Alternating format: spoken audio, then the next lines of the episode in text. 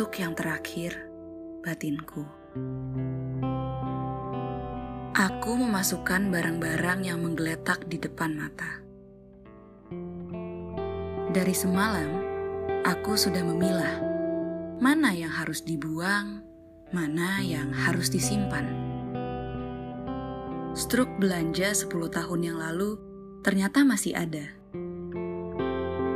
Di situ tertera, aku membeli kebahagiaan seharga 5 perak, hati penuh cinta senilai 10 perak, dan sebuah ruang yang aman untuk aku menetap bernominal 100 perak. Entah ke mana mereka sekarang. Mungkin aku telah menghabiskannya, dan catatan belanjaan itu malah membuat dada semakin terasa hampa. Album-album foto aku masukkan ke dalam kotak. Tentu, aku akan membawanya. Dalam warna yang meluntur, bapak dan ibu tampak begitu menawan. Keduanya melingkarkan janji pada jari manisnya masing-masing, membuktikan bahwa cinta adalah rasa dan hidup bersama-sama membutuhkan kerja keras walaupun gajinya tak seberapa. Tak seberapa sebab sesungguhnya janji mereka lebih dari sekedar angka. Tidak ada upah yang mampu mewakili upaya mereka selain melihat anak-anaknya sehat sentosa. Lihat, mereka menggendongku bergantian. Aku begitu kecil dan tidak berdaya. Pasrah dalam dekapan keduanya.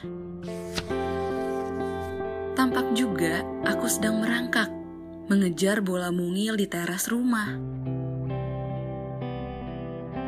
Aku tidak ingat sama sekali. Di mana bola itu sekarang? Ke mana rumah yang betul-betul menjadi tempat aman bagi para penghuninya? Apakah aku benar-benar pernah ada di sana?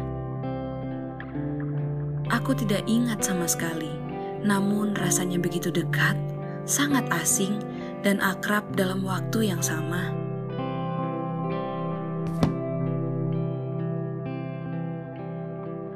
Ini yang terakhir, batinku lagi. Ingatan-ingatan itu menetap dalam foto, catatan, dan barang-barang di sekitar yang sedang aku bereskan. Kotak penyimpanan sudah penuh semua, siap diangkut. Mobil box juga sudah menanti di depan. Setelah lama mengembara ke sana-sini, yang aku butuhkan sekarang adalah kebahagiaan, hati penuh cinta, serta tempat menetap yang tidak akan pernah bisa dilelang. Tidak seberapa, sebab tidak ada harganya.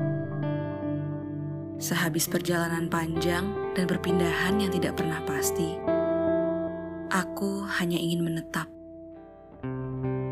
Entah dalam dekap mereka, atau sekedar untuk mengejar bola mungil di teras. Aku hanya ingin menetap di bawah atap yang sejahtera. Di antara figura, foto, dan catatan perjalanan yang menyimpan berjuta cerita. Yang selalu bisa mengingatkan aku untuk bangun dan menjalani hidup sekali lagi.